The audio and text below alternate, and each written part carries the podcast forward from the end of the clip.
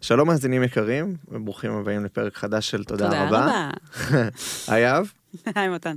היום מתארח אצלנו אדם אהרונוביץ', אה, חוקר אנתרופולוגיה רפואית, שבשנתיים האחרונות הוא חי בפרו, במרכז טיפולי שנקרא The Temple of the Way of Light, אה, שהכלי הטיפולי המרכזי שלו הוא איוואסקה. אה, הם עושים את זה בצורה מאוד מעניינת, קצת שונה ממה שיצא לי לשמוע עליו עד כה. הייתה שיחה זורמת וכיפית, אה, ואני בטוח ש... כן, ממש. אני בטוח שתהנו ממנה. אה, תפיצו אותנו בבקשה, אני ממשיך במסע לעבר אה, אלף. הלייקים, אני חייב להגיד שמאז הפרק האחרון, אז עשיתם עבודה מאוד יפה, ועלינו באיזה 250 לייקס. באמת? כן, אני לא כן. מאמינה לך. כן, כן, check me. הוא אומר את זה סתם כדי שתעשו. check me, check me. ואז תמשיכו, תמשיכו, תמשיכו, יהיו את הלינקים והכל באתר, ב Mixcloud, בכל האפליקציות, אה, אנדרואיד, אייפון. תהנו מהפרק. תודה רבה. תודה. תודה רבה.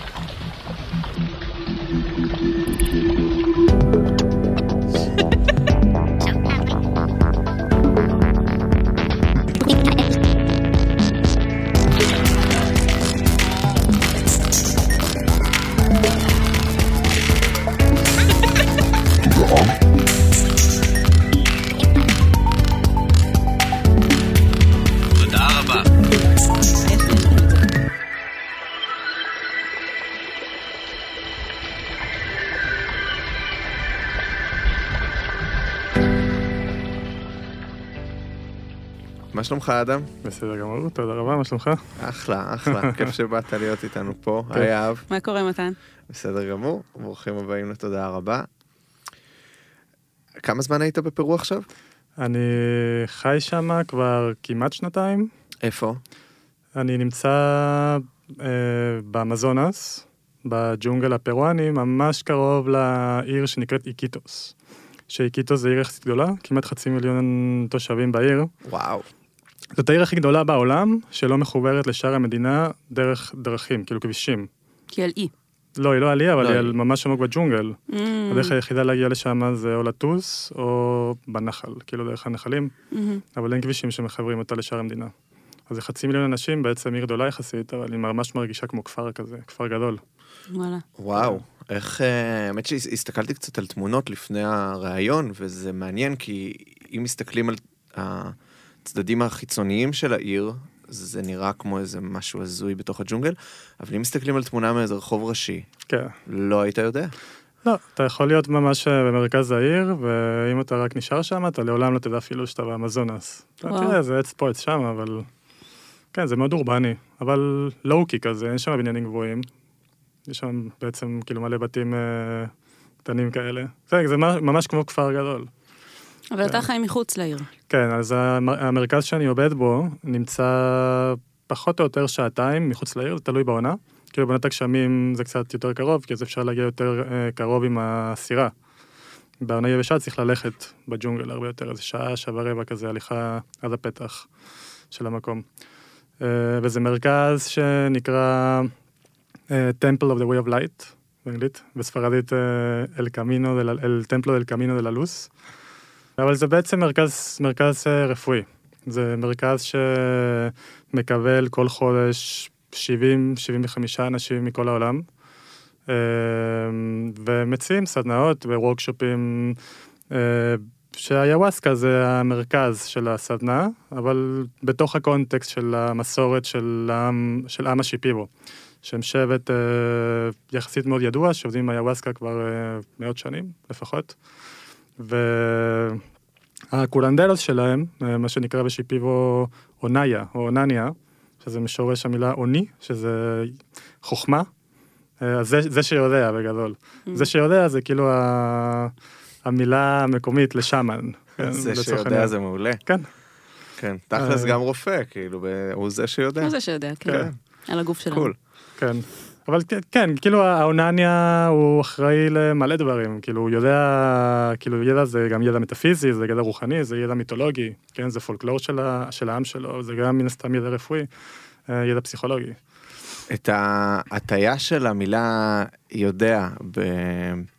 ב- ב- בצורה ספרדית כזו, היה לך גם לפני שהיית בפרו, שפיתחת את זה שם? האמת שחזר לי קצת המבטא. אה, עכשיו גם, כשאני מדבר עברית, אז אני, אז אנשים שואלים אותי, מה, יש לך מבטא פתאום? כאילו עליתי לארץ בגיל 12, אז... אבל אה, במקור אתה מאיפה? אני במקור אה, מקסיקו.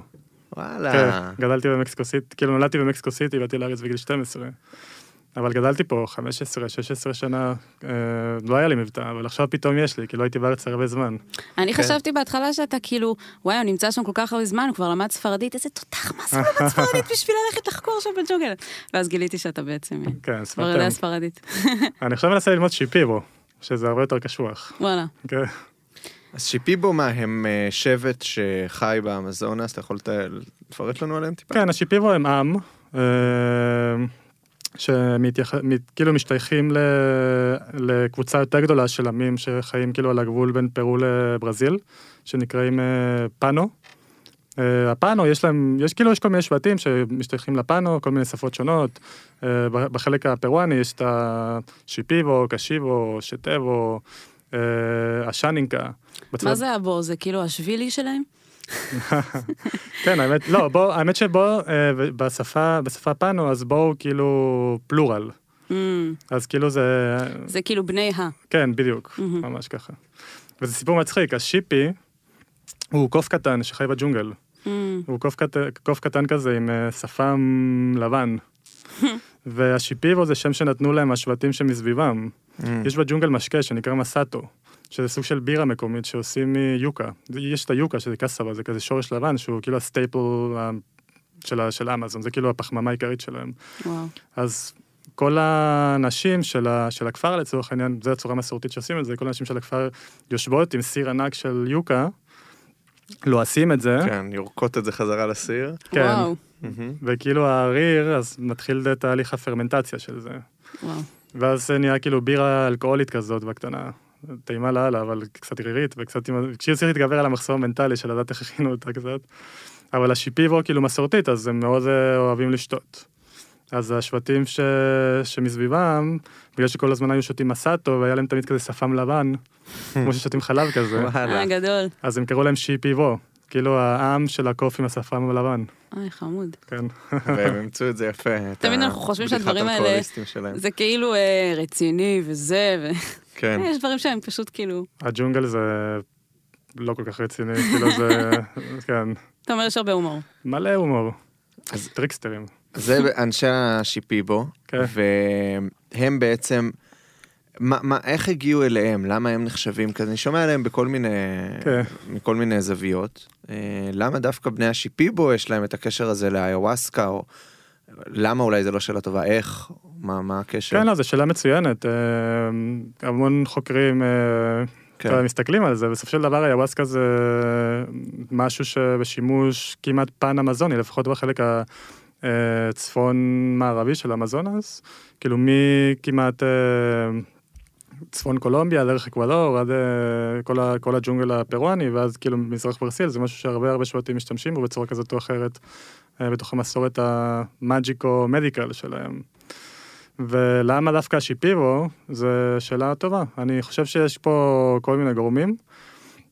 אחד מהם זה branding ו marketing. השיפיבו ידעו מאוד טוב לנצל את האינטרס ואת הצורך שיש במערב לתרופות האלה, למסורות האלה, והחליטו יחסית מוקדם שהם רוצים אה, להביא את זה למערב. ואז יש שיקולים כלכליים גם, יש שיקולים תרבותיים, יש שיקולים של איך אה, תרבות מסוימת מחליטה שהיא רוצה להתפתח ולהצטרף יותר לכפר הגלובלי לצורך העניין.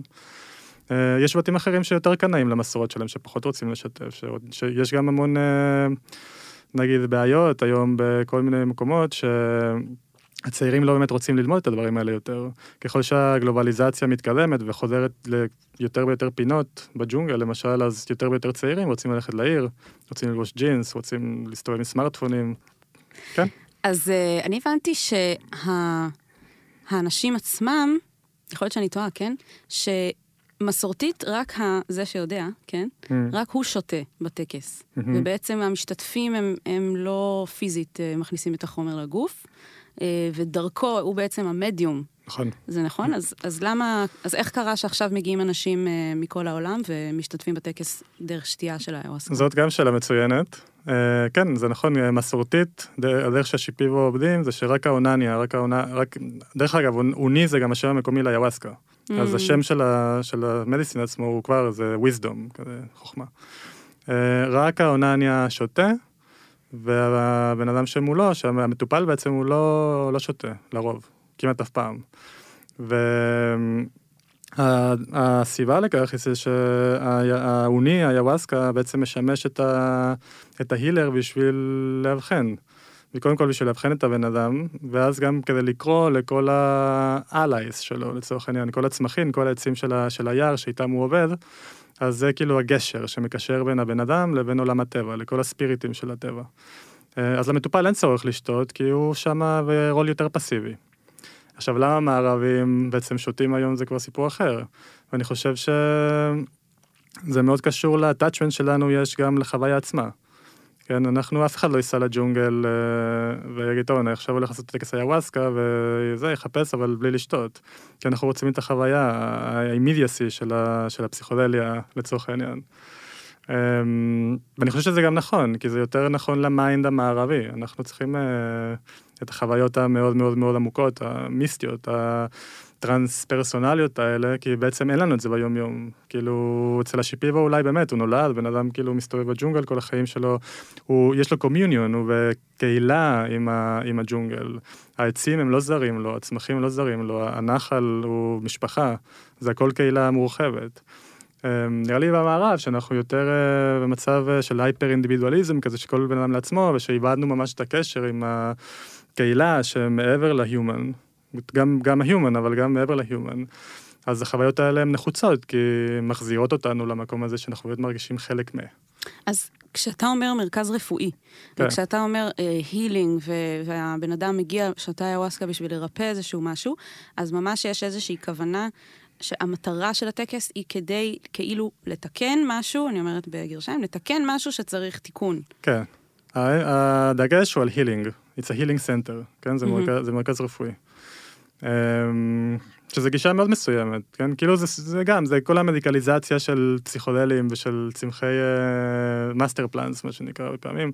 יש תהליך מדיקליזציה כזה במערב, שיותר ויותר מסתכלים על הדברים האלה, באמת בקטע של איך אנחנו משתמשים בזה לצורך, לצרכים טיפוליים או רפואיים. אה, באמזונה זה, זה שימוש אחד, אבל זה לא היחיד וזה גם לא העיקרי. איזה עוד יש? יש למשל אה, הרבה דגש על divination, כן? כאילו השאמנים שותים את זה בשביל לגלות חפצים אבודים, בשביל כאילו... לתקשר עם משהו שלא נמצא פה עכשיו פיזית. כן. אה, לראות את העתיד, לראות את העבר. נבואה, חיזיון. בדיוק. מהמם. זה שימוש מאוד מרכזי.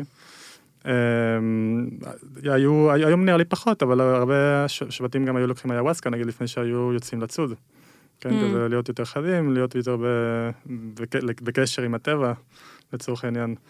ויש שם עדיין אה, טקסים של, שהם לא לצורך אה, אנשים שמגיעים מבחוץ, אלא בשביל האנשים ששם, שמסורתית עושים את זה? כן, בוודאי. אמ, זה גם מקשר למה שדיברנו מקודם, אחד מהשימושים העיקריים והמרכזיים היום באמזונס זה מה שנקרא מד, כאילו black magic, יש שם המון, יש שם תרבות מאוד מאוד מאוד אה, מושרשת של, של, של כישופים, לצורך. העניין. כאילו כישופים זה הלחם בהחמאה של היום-יום אצל הרבה קהילות אמזוניות. אה, אז, הרבה- אז זה כאילו הצד היותר אפל של היוואסקה, שהרבה פעמים משתמשים בו באמת בשביל לפגוע ולאו דווקא בשביל לרפא, אבל זה לא זה לא שחור או לבן, זה תחום מאוד אפור, כן? כי מהמם. ה- כאילו איך שאנחנו רואים מה זה מאג'יק או מה זה סורסרי, זה מאוד שונה ממה שאיך שהם רואים. אה, אז, אבל כן, זה, זה, ח- זה, היוואסקה זה באופן כללי משהו שהוא מאוד מאוד מאוד מורכב, ויש לו המון צדדים אה, אפילו פרדוקסליים ומנוגדים כאלה. אמ, מה הייתה השאלה שלך? יצא לך גם לקחת חלק בטקסים שהם לא אה, אה, לצורך אה, ריפוי, לצורך העניין? אמ, ז- לא איפה שאני עובד כרגע, כי שם באמת יש דגש, אנחנו עובדים בצורה מאוד מאוד מסוימת, וגם כל השאמנים לצורך העניין, אני אומר את המילה שאמן בלית ברירה, כן? אבל זו. מילה גרועה. אוקיי. אז, ה- אז כאילו כל ההילרים שאנחנו עובדים איתם, אז הם יודעים, והם מאוד מפוקסים, שמה שהם עושים שם זה בעצם אה, ריפוי, כן? אמ, עכשיו, איך הבן אדם עובד את זה בעצמו, זה כבר החלטה אישית. כן, אני יכול לשבת בטקס ולכוון את ה mind שלי ואת המחשבות שלי לכיוון מסוים, כן, בסופו של דבר זה עבודה אמיתית. אה, מה אני עושה עם עצמי בטקס. אמ, אני ספציפית אה, מכוון את זה יותר פנימה, גם אה, עבודה עצמית. עבודה קהילתית, כאילו הרבה פעמים, אצלי ספציפית, זה כמעט תמיד, כאילו רוב הטקסים שלי מתפקסים תמיד במימד החברתי. אני קורא לזה תרופה חברתית. מה זה אומר המימד החברתי? זה הרבה פעמים, אה, נגיד, אה, שולח אותי להתבונן באינטראקציות שלי עם אנשים, איך אני מתייחס לאנשים שאני עובד איתם, איך אני מתייחס למשפחה, איך, מה, כאילו לבחון ממש בדקויות את הקשרים שלי עם אנשים שחשובים לי. כן, אם הייתי בסדר עם אחותי באינטראקציה הזאת, אה, למה לא התקשרתי לחבר במקרה הזה, כאילו ממש מחזיר אותי כל הזמן להיות מאוד מאוד חד ומפוקס על הפן החברתי. אה, פחות כאילו דברים פסיכולוגיים אישיים, יותר באמת על המימד החברתי של איך לשמור על הרמוניה, איך לשמור על מערכות יחסים אה, הדדיות, כאילו רסיפרוסיטי הוא משהו שמאוד חשוב כל פעם אצלי בטקסים האלה. ואתה עובר שם איזשהו אה, תהליך של אה, חניכה, אפשר לקרוא לזה? איזה אינישיישן? כן. כן, אני אשמח אה, שתספר טיפה יותר על מה בדיוק אתה עושה שם, כאילו ציינו את זה שאתה עובד שם, כן. אה, אם תוכל להרחיב על זה.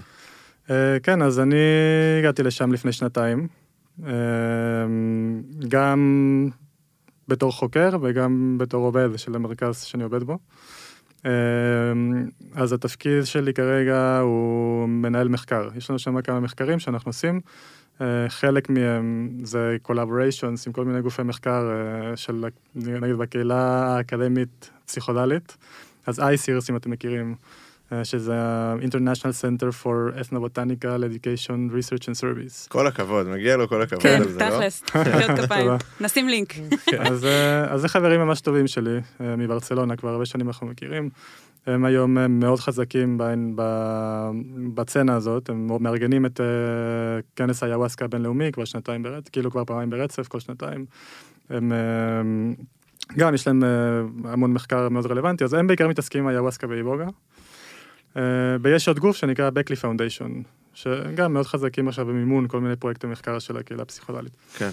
של אמנדה פילדר התחילה אותו. נכון, פילדינג. רק אמרת איבוגה, אתה רוצה ממש להגיד משפט על זה?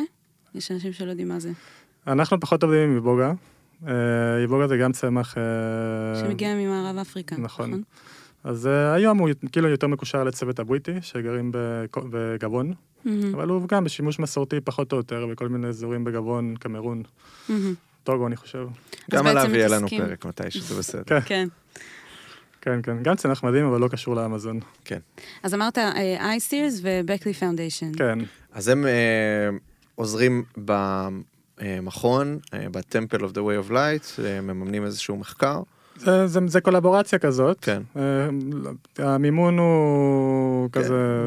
אולי מימון לא הייתה המילה הזה, אבל כן. אתם עושים איזשהו מחקר משותף. כן, אז יש, מחק... יש, יש את המחקר העיקרי, שהוא רץ כבר קרוב לשלוש שנים, שזה מחקר כמותני ואיכותני, שבעצם אנחנו מנסים ממש לבחון לעומק את ה... פוטנציאלים מהטיפולים של היוואסקה, ממוקד לארבע אה, חוויות של סבל נפשי שהן מאוד נפוצות במערב. כן, אז זה בעיקר אה, חרדה, חרדה אה, דיכאון, טראומה ומה שנקרא grief, אה, complicated grief או grief, אה, אבל, כן, חוויות אבל שקצת יותר מדי קשות, אה, קצת קשות, כאילו, שלא, שלא מתפתחות בצורה נורמטיבית נגיד. ויש לנו עוד גם קבוצה של, של צמיחה אישית והתפתחות עצמית, שזה כאילו control כזה. מאוד אהבתי את איך שעכשיו אה, לא נתת לזה את התיוג של אה, מחלת נפש. אני... אני, זה, זה משהו שמאוד קרוב לליבי. כן, כן, זה אני, אני... כן. בזה אתה מתעסק. אלמד מזה, כן. כן. לא, אבל לקרוא לזה חוויה של סבל ולא מחלת נפש, זה מאוד נכון. זה מאוד... כן, יש, שם, יש פה המון דקויות חברתיות ופוליטיות שאני נזהר איתן. עבדתי הרבה שנים בארץ דווקא, עבדתי הרבה שנים במערכת הפסיכיאטרית, והיום אני קצת מבין המון הדברים האלה, כן. Mm-hmm. אבל כן, זה חשוב, אפשר לדבר על זה גם, אה, אם תרצו אחר כך. אתה מגיע מנקודת מבט, אה, הרי אתה עכשיו בתהליכים של דוקטורט. נכון. נכון? אתה מגיע מנקודת מבט של medical anthropology. נכון. אנתרופולוגיה רפואית? רפואית. כן. אתה יכול לתת קצת רקע על גם מה זה אנתרופולוגיה רפואית ואיך זה מתקשר למה שאתה עושה? כן, אני, הרקע שלי הוא בפסיכולוגיה וקוגניציה. את התארים המתקדמים יותר באמת עשיתי באנתרופולוגיה רפואית, אבל גם עם התמקדות די חזקה באנתרופולוגיה של בריאות הנפש. אנתרופולוגיה של הפסיכולוגיה, אתנופסיכיאטריה, כל מיני תחומים שמאוד מקבילים. אנתרופולוגיה רפואית זה בגדול כאילו איך להשתמש בכלים שנות, שנותנת האנתרופולוגיה או מדעי החברה בשביל לבחון מערכת רפואית מסוימת, או בשביל לראות איך, איך תרבות מסוימת תופסת מושגים של מחלה, של בריאות, של רפואה. וזה מאוד מעניין, כי, טוב, מהמון סיבות, אבל בעיקר בתחום בריאות הנפש זה מאוד מעניין, כי אפשר לראות מאוד בבהירות, כאילו איך המון מושגים שאנחנו חושבים שהם אובייקטיביים מאוד, כן? כמו פסיכוזה או כמו דיכאון, אז הם בעצם מאוד תלויי תרבות. בהמון תרבויות שונות אה, חוות חוויות כאלה בצורה מאוד, מאוד שונה. אמ, אז מאוד התעניינתי בזה דווקא בגלל שהייתי הרבה שנים ממש בתוך אה, המערכת הפסיכיאטרית הישראלית, בתור אה, סטודנט צעיר.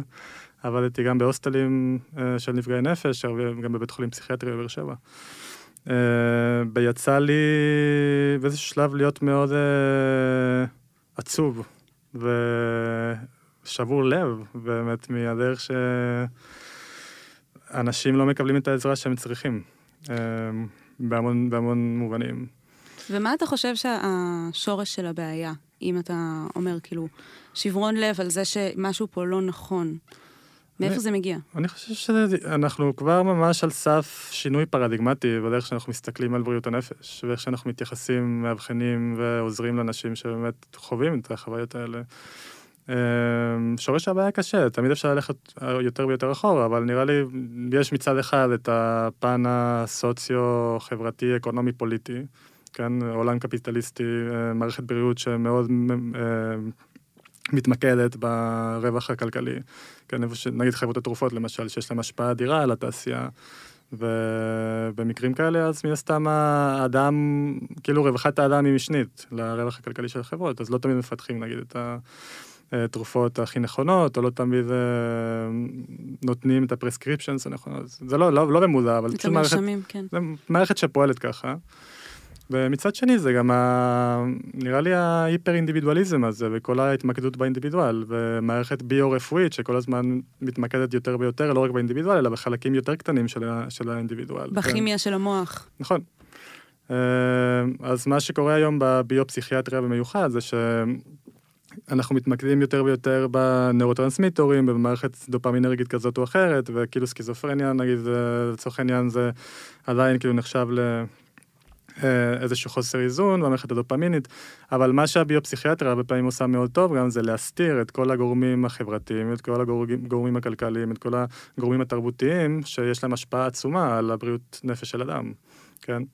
Uh, למה יש לנו כל כך הרבה חרדות, למה יש לנו כל כך הרבה דיכאון, כאילו אנחנו ממש במערב היום חווים גלים ממש ממש ממש ממש אה, בלי פרסדנט לצורך העניין של, של האפידמיות האלה, של דיכאון, חרדה, טראומה, פסיכוזות למיניהם.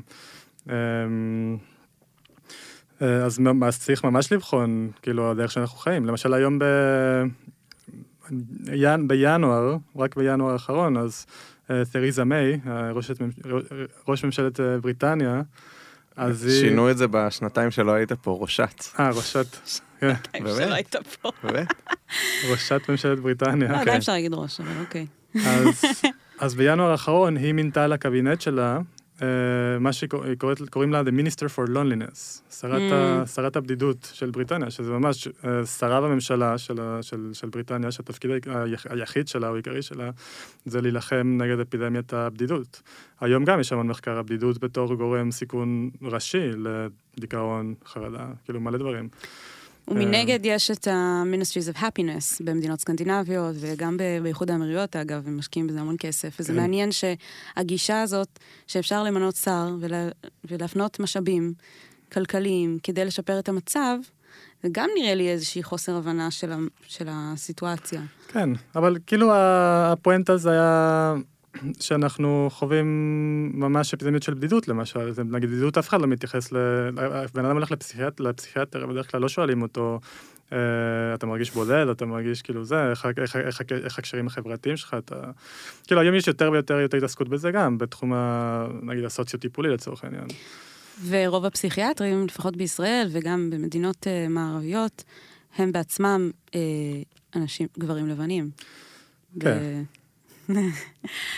כן, טוב, לאט לאט זה גם uh, משתנה, זה עניין של uh, תקופות גם, שאי אפשר, אה, לא יודע באיזה מילה להשתמש, להדיח, להדיח את אה, כל הפסיכיאטרים שיש היום כדי ליצור את האיזון הזה עכשיו. הוא כן. קורה מלמטה, זה ייקח הרבה מאוד זמן, כאילו, כן. מבחינת איזון מגדרי ותרבותי של התחום הזה. אתה חושב שזה אבל משפיע, העובדה שהפסיכיאטר מגיע מרקע תרבותי כלשהו והמטופלים מנגד מגיעים מרקע תרבותי אחר? בוודאי.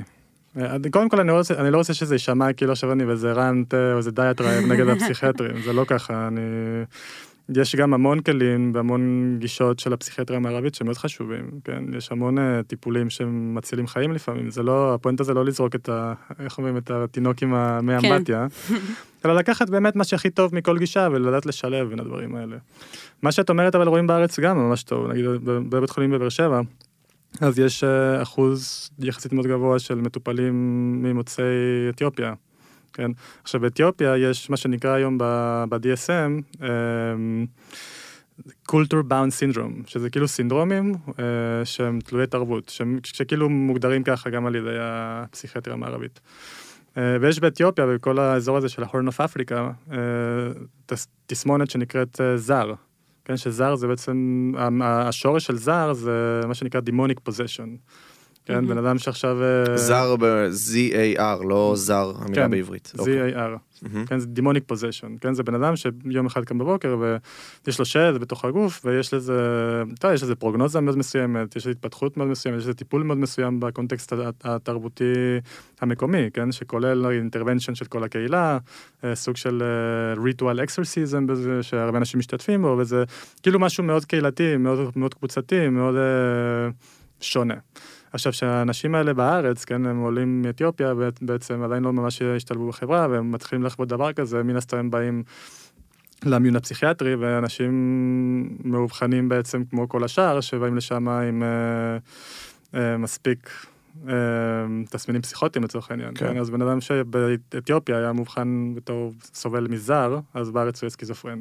אז הוא יקבל אותו טיפול, כן? אנטי-פסיכוטיים, נורולפטיים. אה, אבל הכדורים האלה לא באמת יעזרו לו בסוף של דבר, כי אין להם את המשמעות הסימבולית הקהילתית המאוד עמוקה של הטיפול המקומי שלו, שבאמת מערב כאילו את עולם המושגים שלו, את האימג'ינרי התרבותי, את, ה, את כל הקהילה, כן? זה משהו שמאוד מחבק. כאילו יכול להיות גם שזה מעיד על איזשהו משבר, ואז בעצם זה שהקהילה מגיעה, סתם אני מניח איתך, כאילו בעצם זה שהקהילה באה לעזור לו ספציפית בזה, וזה לא איזה כדור מבחוץ או מהפסיכיאטר, זה בוודאי. נותן להם אינדיקציה שהוא עכשיו לא בטוב. נכון. גם הבן אדם אף פעם לא מאבד את מקומו בקבוצה, כן? הבן אדם, אה, הוא ממשיך להיות אותו בן אדם, פשוט אה, שאר האנשים הם כאילו במוביליזיישן כזה לעזור, כן. אבל הבן אדם מובטח לו, כאילו שהוא לא, שזה בדיוק ההפך ממה שאנחנו עושים פה, מתי שמישהו מתחיל כזה להיפרד מהקבוצה ולחוות Mm. חוויות שהן מאוד שונות ממה שהגדרנו שהן נורמליות או נורמטיביות, כן? אז ישר, כאילו הדבר הראשון שעושים זה... להפריד אותו עוד יותר. נכון, כאילו אותו עוד יותר. גם מלכתחילה הפירוק של הקבוצה, הפירוק של הקהילה לתוך חיים אורבניים שהם מנוכרים, יכולים גם אולי אה, להיות קטליזטור למצב כזה, כי הבן אדם מגיע מתרבות שבה יש לו את הקהילה שלו, ואז הוא, בטוח. הקהילה מתפרקת פה. אה, אבל נגענו פה באיזה משהו מעניין, כאילו אפשר להפוך את ה... כן. לשים מראה על הדבר הזה ולהגיד, אוקיי, זה לא אותו דבר על מערביים שהולכים, לטסים כאילו לצד השני של העולם לפרו, והולכים ושמנים הילרים משבט השפם עם הקוף הלבן, כן. אה, מטפלים בהם בקונטקסט אה, תרבותי שונה לחלוטין. של. כישוף נגיד. במיקום אחר לחלוטין, זאת אומרת, אם אני אה, התל אביבי המצוי, אה, פתאום הוא טס לאיזה יער, כאילו בארץ הרי אין באמת אה, יער, ואני כזה, oh my God, רואה יער, פ- כאילו הכל נורא נורא שונה. לא טוב או רע, אבל זה גם אה, מאוד שונה, מעניין אותי מה, מה אתה חושב. על איזה המקום חכם הזה. אתה, בן מוש. לא, זו שאלה ממש חכמה, אני לא כן. חשבתי על זה אף פעם. לא, זו שאלה ממש טובה, וזה משהו שאנחנו מתעסקים איתו ביום-יום גם. אמ, היום, יודע, יש, יש, יש מלא אה, שיח אה, מסביב לעניין הזה, איך אנחנו באמת אה, מצליחים להביא את החוכמה ואת הכלים ואת, ה, ואת, ה, את, ה, את התרופות האלה, את המדיסינים האלה, אה, שבעצם קשורים לא רק לתרבות אחרת, אלא ממש ל-world view שונה לחלוטין. כן, אנימיסטי, שהוא מלא רוחות וחיים, ו... איך אנחנו בעצם מביאים את זה ומשלבים את זה ומתאימים את זה למבנה של ה-mind המערבי, כי הוא מאוד שונה. אז נגיד במרכז שאני עובד בו, יש לנו המון אה, דגש על integration. מהמם. כן, אז integration זה מתחלק להמון תחומים שונים, יש המון אה, דברים שאפשר לעשות, אבל חלק מזה, למשל אצלנו, אז יש לך בכל workshop, אז יש לך מן הסתם את האונאי- את האונאייס, את ההילרים אה, של השיפיבו, אבל גם יש לך שתיים או שלוש facilitators מערביים. עכשיו רוב ה-facilitators שעובדים אצלנו, כמו בהמון מרכזים אחראיים לצורך העניין, זה אנשים שיש להם איזשהו רקע בתחום טיפולי, מערבי. כן, אם זה פסיכולוגיה, פסיכותרפיה, יש לנו, יש לפעמים גם רופאים, נטורופטים. אה, וה, ויש לנו גם מורים ליוגה, לצורך העניין, יש מורי מדיטציה, מיינדפולנס, יש המון המון המון המון דברים שונים. ובעצם המטרה זה לעשות את ה... זה למצוא כאילו את השילובים הכי טובים, שאפשר להתאים את המסורת המקומית, את התרבות המקומית, אבל לתת גם לאנשים גם איזשהו עוגן שיותר קרוב לתרבות שלהם, כן? אז אנחנו עובדים בטקס, מן הסתם עם, ה... עם השיפיבו, כל הטקס הוא נעשה כאילו לפי המסורת השיפיבו, אבל למחרת יש אה, אה, נגיד group sharing. וסשנים שיותר נגיד דומים ל... ל... ל... אה, טיפולים פסיכותרפאוטיים לצורך העניין. נגיד יש לנו בן אדם שעובד עם CBT, יש לנו בן אדם שעובד עם מיינדפולנס, יש לנו כל מיני דברים כאלה, כן? אז כאילו באותו קונטקסט, באותו workshop של שבועיים לצורך העניין, אז בן אדם יכול אה, לחוות או ממש לקפוץ ראש לצורך העניין לתרבות שונה לחלוטין, אבל יש לו את התמיכה ואת המעטפת שמאפשרת לו לא לאבד את הקשר גם עם, ה, Mm, עם ה... עם הב- עם המקום שממנו הוא מגיע. כן, מעניין, אז אם למשל יש לי איזושהי הפרעת חרדה ואני מגיע למקום הזה, אז מראש כאילו המקום יודע, אני יודע שאתם עושים תחקיר מקדים, כן, אמ, אז מראש המקום יודע שיש לי את ההפרדת חרדה הזו, אז הוא ממנה לי איזשהו facilitator שעובד איתי עם CBT במהלך השבועיים שאני שמה ועושה... כאילו, אה, לכל קבוצה-? כאילו לכל קבוצה יש אה, בין שתיים לשלושה facilitators, מהמם. ויש גם מורים אה, שכזה מסביב, זה, זה תלוי מי נמצא באותו רגע ב, ב-temple לצורך העניין, לא כולם נמצאים שם כל הזמן, תמיד יש מורים שונים שבאים והולכים, אז תלוי בסקילס שכל אחד מביא. אבל כן, אם יש משהו ספציפי שאתה, שאתה צריך, אז יש צוות שגם גם לפני שאתה מגיע, דרך אגב, האינטגריישן טים שלנו מורכב מ... אתה יודע, כמה אנשים שנמצאים איתך בקשר לפני שאתה מגיע, שנמצאים איתך בקשר אחרי שאתה נוסע, שאתה תמיד יכול כאילו לעשות טיפול מקדים לצורך העניין. הרבה אנשים שבאים אלינו שמרגישים לא מוכנים, שמרגישים שצריכים קצת אה, לפתוח כמה דברים או לאבד כמה דברים לפני ש... שהם נכנסים לוורקשופ, אז אפשר גם לעשות סשנים לפני כן עם, עם, עם, עם פסיכותרפאוטים, פסיכולוגים. ואחרי שהגעתי, עשיתי את השבועיים האלה, יש אה, איזשהו קשר אחרי זה של כן. טיפול? יש כן. המשך לדבר הזה? יש פולו-אפ, עכשיו אנחנו גם בונים תוכנית אינטגרציה ארוכת טווח, שזה עדיין- עדיין לא ממש מוכן, אבל זה כבר ממש ב... יש מחשבה על זה. יותר ממחשבה, זה כבר ממש בש- בקורם גידים כזה. Mm, אמ, אז איך באמת אה, ל- להציע, או איך באמת להציע לאנשים את ה- את הפולו-אפ הכי טוב, הכי אחרי שאפשר, בקטע של להישאר בקשר עם האנשי תחום, אנשי מקצוע. אה, גם הפן הקבוצתי הוא מאוד חשוב, אנחנו מאוד מאוד מאוד אה, מעודדים, נגיד, קבוצות שבאות, להישאר בקשר גם אחר כך, וזה קורה טבעי. כן, זה לא משהו שצריך לעודד, אנשים תוך זמן, זמן מאוד, מאוד קצר, אני שם מערכות יחסים מאוד מאוד חזקות מן הסתם, כי אנשים חווים ביחד חוויות מאוד מאוד משמעותיות. אה, מבחינה רגשית, מבחינה מטאפיזית, מבחינה מיסטית הרבה פעמים, כן. כן. אז אחרי שבועיים שאתה נמצא עם אנשים כאלה, זה, זה כאילו האנלוגיה הכי קרובה שמצאתי לזה, שאולי היא לא הכי טובה, אבל היא הכי קרובה שאני מצאתי, זה למשל טירונות. מהמם. כן, שאתה נמצא באמת עם קבוצה של אנשים שבאמת צריך שבועיים, ממש ממש ממש כזה, זה חוויות מאוד. קשות, אינטנסיבי. אבל זה גם- עכשיו, ברגע, במקרה הזה, זה גם כולל נגיד חוויות מאוד uh, טרנסצנדנטליות, מה נקרא. אז לרוב כאילו הקבוצות uh, ממש מהר מפתחים uh, קשרים כזה של הדדיות, של reciprocity, של, של ממש uh, אחריות הדדית כזאת. אז הם גם עוזרים המון אחד לשני שחוזרים הביתה, נשארים בקשר, פותחים קבוצות בפייסבוק, שחולקים אחד עם השני את הקשיים שלהם באינטגריישן שהם חוזרים הביתה, איזה אתגרים צצים להם פתאום, ואז כזה לכל קבוצה יש את הקבוצה של... לכל קבוצה שווה יש אחר כך את הקבוצה שלהם שהם יכולים... ואנשים גם נפגשים אחר כך. כן. זה, זה נשמע לי דבר ממש נפלא. כן. כי אני ראיתי באמת לא... יותר מדי חברים ומכרים וסיפורים על אנשים שעשו כל מיני טקסי איוואסקה בפורמטים כאלה ואחרים, חלק מזה זה סבבה לאללה, וחלק פחות יותר מהמקום של, אה, אני לא מדבר עכשיו על הבן אדם השרלטן שלא יודע להכין את זה, או מביא מה, לא יודע, אבל, אלא יותר אה, מהמקום שכזה, אוקיי, נגמר הדבר המאוד משמעותי הזה, ואז, רגע, אני נוסע לבד הביתה עכשיו, כאילו. כן. ומה עכשיו? אה, כן. ומה עכשיו, שזה נכון לגבי כל חוויה נכון. כזאת טרנסצנדנטלית, אבל ספציפית פה, כי יש איזושהי כוונה של ריפוי שאנשים מגיעים איתה נכון. לדבר הזה, לרוב לפחות ממה שאני שמעתי. אז uh, באמת נוצר איזשהו פער מאוד גדול, כי אתה חווה איזשהו שיעור, וקצת uh, יצא לי לפגוש, לא, שוב, יותר מדי אנשים שלא ידעו מה לעשות עם השיעור הזה. נכון. אז אני מאוד שמח לשמוע שזה, ה... שזה הכיוון. כן, זה היום, אתה זה אחד מה... זה, אפשר להגיד שאפילו זה השיח המרכזי היום בקהילה הפסיכולוגית כבר כמה שנים, כאילו, את ה, כל הדגש על אינטגריישן, כאילו, מה באמת קורה ביום שאחרי. בן אדם בג'ונגל, שבועיים, פה ושם, הכל סבבה, אבל אחרי זה חוזרים לפקקים, חוזרים לעבודה, חוזרים למשפחה הרבה פעמים, חוזרים למערכת יחסים אולי לא מאוד בריאה, ואיך בעצם אה, עושים את כל התהליך הזה בסביבה הזאת, כן? אז אה, כן, אנחנו מנסים כזה כל הזמן לפתח כלים חדשים ולעזור לאנשים.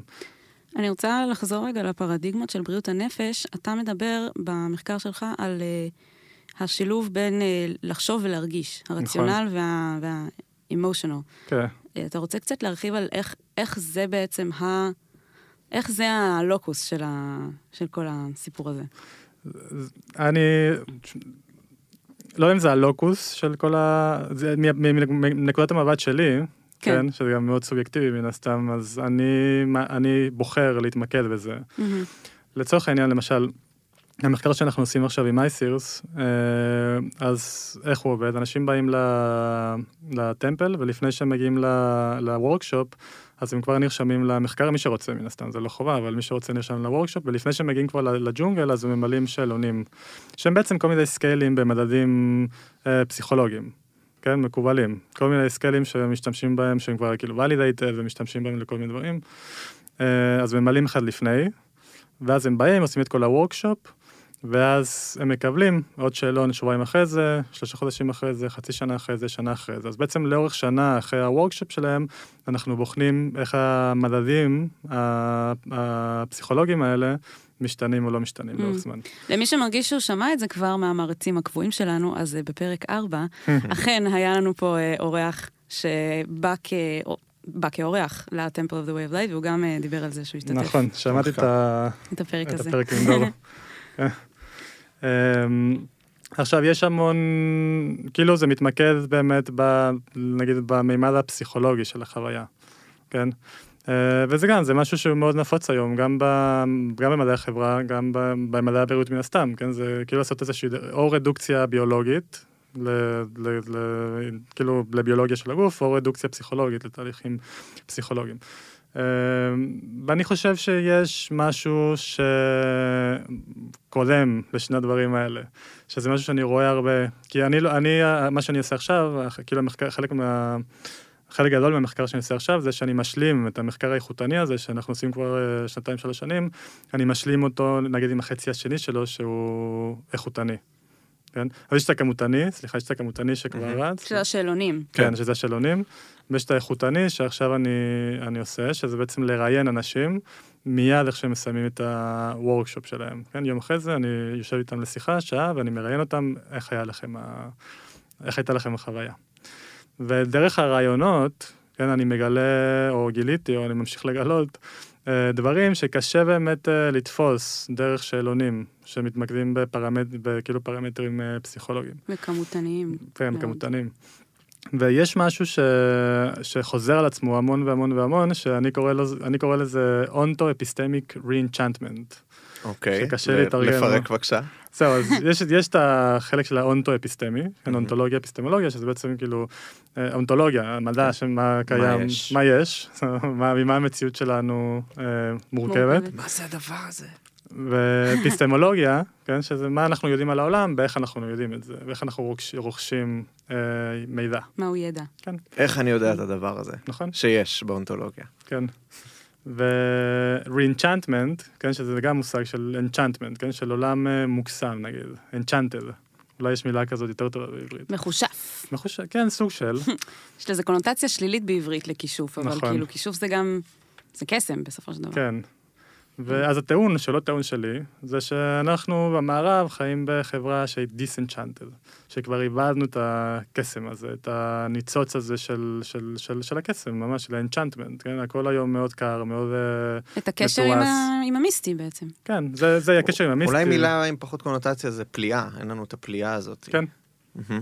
כן, פליאה זה גם טוב. אז כן, זה הקשר עם המיסטי, זה הקשר עם, ה, עם המיסטרי, זה הקשר Mm. של, ה, של, ה, של המיסטרי, זה הקשר עם הטבע, אה, זה האינטימיות בין אנשים גם, זה כאילו רוב המערכות יחסים שלנו, בין אם זה בינינו לבין עצמנו, או אם זה בינינו לאנשים אחרים, או אם זה בינינו לעולם הטבע, אז זה מאוד commodified. איך לזה? מסח... ממוסחר. כן, באיזשהו מובן, כאילו, תמיד יש משהו שאני צריך להרוויח מהמערכת יחסים הזאת, אין, אין כבר ממש אינטימיות אה, שמבוססת על הפליאה הזאת של... של אה, אז מה שאיוואסקה הרבה פעמים עושה, זה שהיא מחזירה אנשים למקום הזה, של האנצ'נטמנט, של, של, של לצאת קצת מה... הצורך להבין כל הזמן הכל. יש אנתרופולוג שנקרא ארתורו אסקובר, אה, אנתרופולוג קולומביאני. לא כמו פבלו, לא, איך- אלא איך- אחר. איך השם שוב? לא? ארתורו אר- אסקובר. ארתורו אסקובר. כן. אוקיי. והוא אה, מדבר המון על משהו שנקרא feeling thinking, כן? אה, מחשבה, הרגשה לצורך העניין. הוא אסף את המושג הזה מ... טוב, זה עוד סוציולוג קולומביאני שקדם אותו, אבל זה מושג שהוא... הם אספו אותו מהחוכמה הפופולרית של, של דייגים בחוף הקריבי הקולומביאני.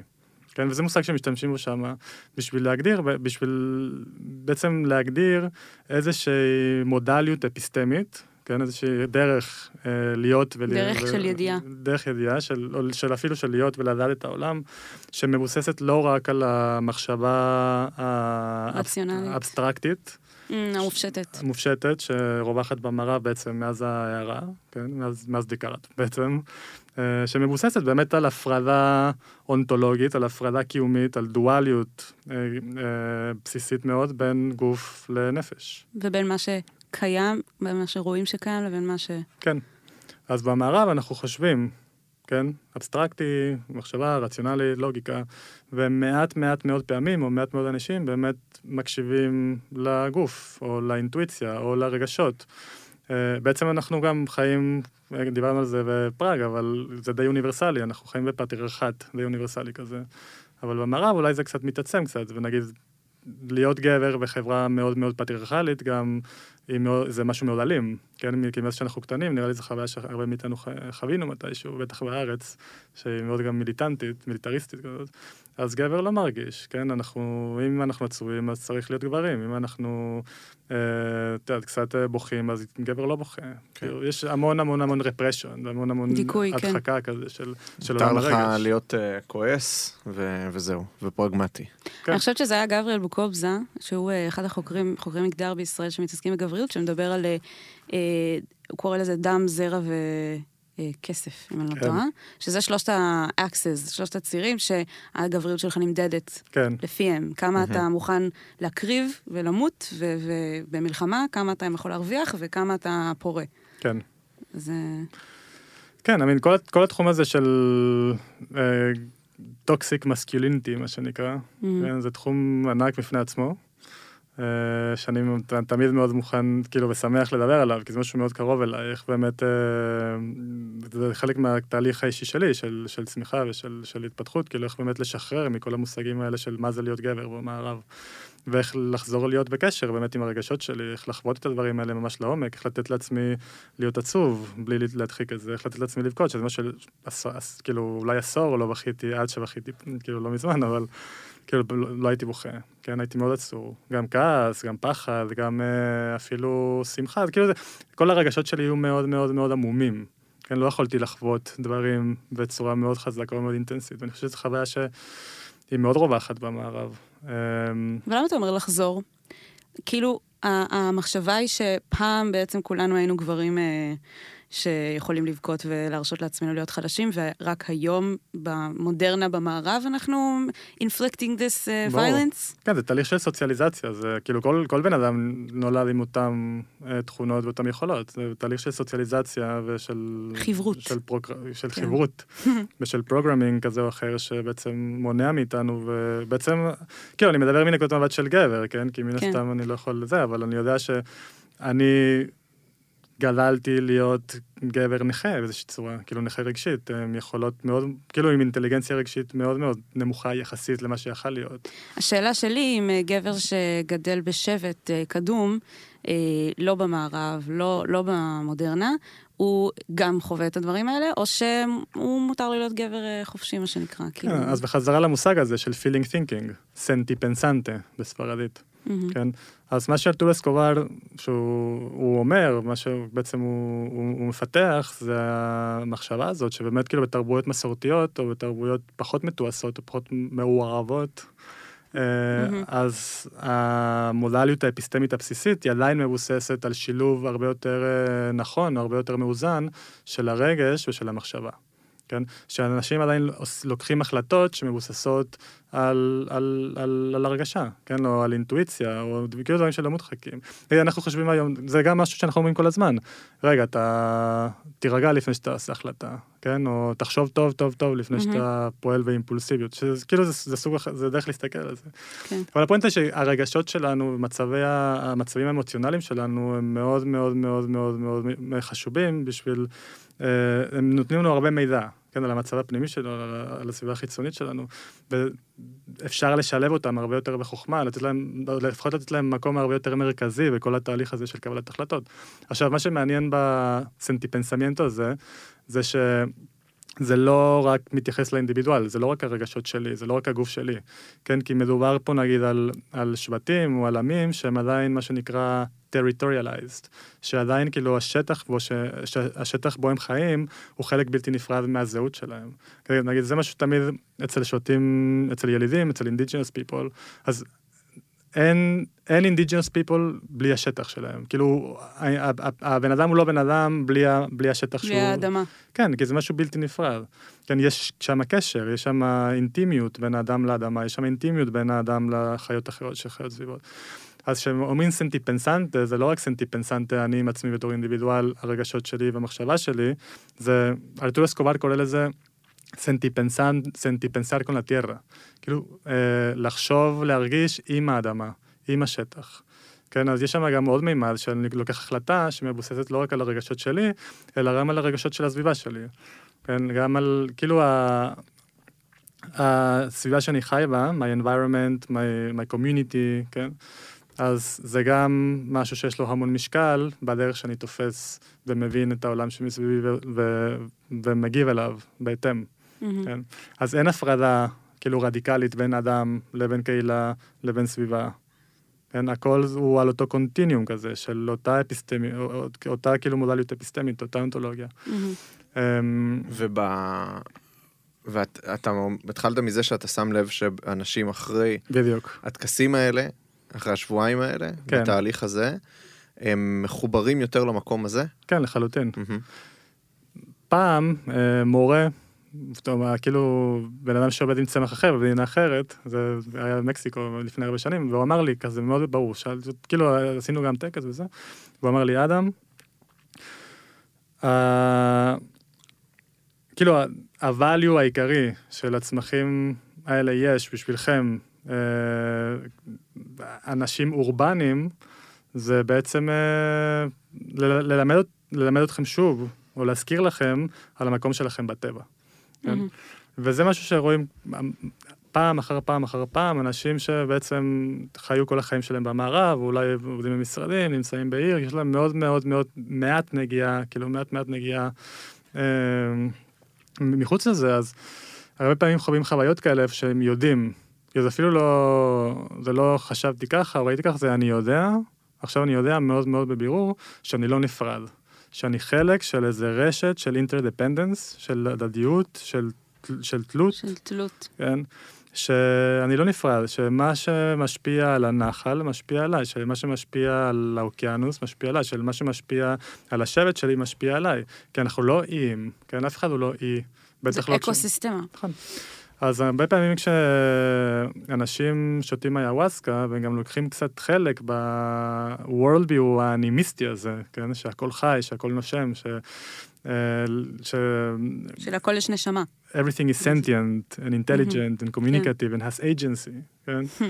אה, אז מאוד מאוד מאוד קשה להמשיך, להמשיך לחוות את עצמך או את עצמי בתור נפרד. נפרד. כן, שזה לא, כאילו, יש שם איזשהו, איזשהו, איזושהי ידיעה שאי אפשר להתעלם ממנה יותר משם והלאה, שאנחנו חלק של איזה ממש נטוורק כזה של קשרים שהם אינטרדפנדנט.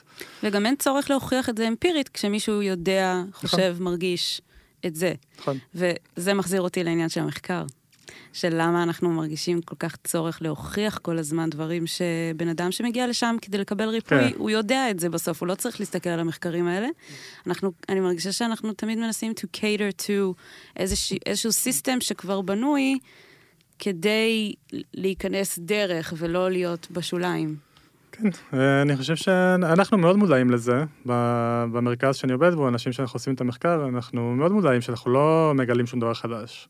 כן, אנחנו בעצם מנסים לתרגם חוכמה מאוד מאוד עתיקה, דברים שאנשים יודעים כבר הרבה מאוד שנים, אה, דברים שהרבה אנשים חוו, גם במערב, נגיד בעשר שנים האחרונות, פעם אחר פעם אחר פעם. אנחנו לא מגלים עכשיו משהו חדש, אבל המלאכה שלנו באיזשהו מובן זה לתרגם את הדברים האלה לתוך uh, שפה שיכולה להיות, uh, ש, ש, ש, it can be absorbed and digested, no? שמישהו אחר יכול לספוג. לא, לא מישהו, אותה, כן. לא מישהו אחר. שאנשים שלא בהכרח חוו את זה. לא מישהו אחר, אבל ספציפית, uh, דרך הלנסס של האפיסטמולוגיה המדעית. כן, אנחנו רוצים לשים את הדברים האלה במושגים. דרך המדע. דרך המדע, למה, למה אנחנו עושים את זה, את זה בעצם? למה אנחנו רוצים אה, לעשות ולידיישן לדברים האלה? אה, לתקף את זה. לתקף את זה כן. דרך האפיסטמולוגיה הפסיכולוגית או הביו-רפואית וכל הדברים האלה. אז בעצם שני סיבות. קודם כל זה פוליטיקת סמים. כן, היוואסקה, חוץ מפרו, בוליביה, אקוודור, איפה שזה נחשב לנכס לאומי, זה מוגן על ידי הממשלות, אבל בשאר העולם זה עדיין לא חוקי, ברוב שאר העולם זה עדיין לא חוקי, זה משהו שהוא... אה, אנשים לא יכולים לעשות בחופשיות, אנשים לא יכולים עכשיו לייבא היוואסקה לישראל, זה כרוך בסיכון. כן, ראינו מה קורה כשאנשים נכון. מנסים לעשות את זה. זה כרוך בסיכון, וככה זה גם ברוב שאר העולם. כן? אז קודם כל, לתקף את הפרקטיקות האלה, את המדיסינים האלה, דרך האפיסטמולוגיות המדעיות, אז בעצם נותן לנו איזשהו פתח להראות לממשלות, להראות למי שאחראי... קובעי מדיניות. כן, לקובעי מדיניות. תקשיבו, אז יש לנו כבר מחקר אשר רץ ככה וככה שנים, וגילינו א', ב', ג', ד', ואולי הגיע הזמן בעצם לעשות update לחוקים האלה, כן? אז יש המון מחקרים פסיכולוגיים שמתפקסים בזה, כן? אנחנו יודעים שזה עובד, הרבה שנים אנחנו יודעים שזה עובד, אבל בעצם עכשיו אנחנו רוצים לשחק את המשחק באיזושהי צורה כדי לתקף את זה דרך המערכת ולא נגד המערכת. כן, אנחנו, זה כמו ש-MAPS כל הזמן אה, כן. חוזרים על זה, אנחנו לא counter culture, אנחנו main culture. ואנחנו רוצים כאילו לעשות את זה. אה, דבר שני זה מה שאתה אמרת מקודם, כן? אנחנו עדיין עובדים עם דברים שקשורים לתרבות אחרת, שקשורים לאפיסטמולוגיה אחרת, שקשורים ל-world view אחר, mm-hmm. וזה לא מתאים אחד לאחד ל mind המערבי. אנחנו עדיין צריכים למצוא את הדרכים הכי טובות לשלב את זה, איזה פרקטיקות נוספות הכי טוב לשלב עם איוואסקה, כן, עם CBT עם איוואסקה, או פסיכודינמיקה עם איוואסקה, או מדיטציה עם איוואסקה, איזה דרכים הכי טובים בשביל בעצם לתמוך בתהליך עצמו של, של אדם, כן? כן. אנחנו לא יכולים רק לצפות שאדם ילך לג'ונגל שבועיים, ישתה היוואסקה עם ילדים ויחזור בריא. כן, אז יש המון דברים שעדיין כן בבדיקה בסופו של דבר, שיותר קשורים למפגש הזה בין המערב כן. לג'ונגל. יש עוד איזה נקודה של, של משהו שאני הייתי שמח אה, לשמוע את הדעה שלך עליו. יש את העניין של ה... הרי מקודם אה, ציינתם שפעם ה... אה, איך אמרת שקוראים להם? אונוי? אה, כאילו, אלו שיודעים. אה, אונאיה. אונאיה. שפעם האונאיה, השאמנים, אה, היו שותים את החומר בעצמם. נכון. ובעצם אה, ככה מאבחנים את הפציינט, נקרא לזה. כן. אה, והיום יש איזה משהו שעושים את זה במעגל. יש מעגל, והשאמן הוא מנחה את המעגל, כן. וכולם שותים במעגל. מעניין אותי גם מאיפה זה הגיע. ועם, ו, ו, ומה אתה חושב על זה? כי אני, אם אני מסתכל על זה בעין ביקורתית, אני לא יודע אם זה טוב או רע, אבל אני כן עולות בי שאלות של כזה, מה ה... מאיפה זה הגיע הדבר הזה של המעגל? כאילו, אולי עדיף בכלל לעשות סשנים של אחד על אחד? כן. אמ, אני יושב במעגל, לידי יש מישהו עם אה, בעיית חרדה מוכללת, ואני בכלל הגעתי בשביל אה, לחשוב על הקשר שלי עם הבת זוג שלי, כן. מה הקשר של האנרגיה שלי לאנרגיה שלו בתוך הדבר הזה. כן. וגם לגבי כמויות, עושים את זה כמה פעמים ברצף שם, נכון? יש המון דיזיינים שונים, כן? אה, אין שבט שעובד עם איוואסקה אותו דבר כמו שבט שני. מהמם. יש בעצם המון צורות לעבוד עם זה, יש אה, גם המון, ש... כמו שאמרנו קודם, יש המון שימושים, יש המון צורות. אה, יש כאילו שבטים שעובדים עם זה באמת אה, יותר אחד על אחד, מטופל מטפל, יש, יש שבטים שלוקחים כל השבט ביחד, יותר בקטע של אה, bonding.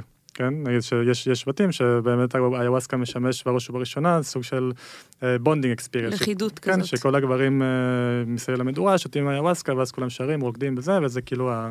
יש את זה היום גם במערב, קצת עם הסנטו דיימי ודברים אחרים. אה, אז אצל השיפיבו, זה לאו דווקא שזה ה design שלהם, שהם באמת, כאילו, יש את ההילרים, ויש מעגל, וכאילו עוברים איזה אחד-אחד. אה, אבל זה גם, זה יכול לעבוד גם ככה, ואנחנו במרכז עושים את זה ככה. אה, זה כאילו דיזיין שהוא הייבריד כזה, כאילו זה שילוב של המסורת השיפיבו, אבל זה גם משהו שהוא, כמו שאתה אומר, שנהיה יותר נפוץ במערב, של לעשות את הדברים האלה במע- במעגל. עכשיו, אני לא חושב שזה מכוון, אבל כן יש לי תיאוריה לגבי למה זה ולמה זה מאוד חשוב. ושוב נראה לי שזה קשור לקטע החברתי. אני חושב שהיום יש אה, צורך מהותי בלהתקרב אחד לשני, בליצור אינטימיות בין אנשים. אה, ולאו דווקא כאילו, אתה יודע, חברים טובים, או משפחה, או בת זוג, אלא אינטימיות בין אנשים, כאילו, באופן כללי. זה משהו שמאוד מאוד מאוד מאוד מאוד חסר לנו. אנחנו מאוד מאוד בודדים, אנחנו מאוד מאוד מאוד alienated אחד מהשני. אבל למה? יש לי אלף חברים בפייסבוק. כן. יש המון סיבות לזה, בול. כן? ניאו-ליברל, כאילו זה, זה כזה חלק מה...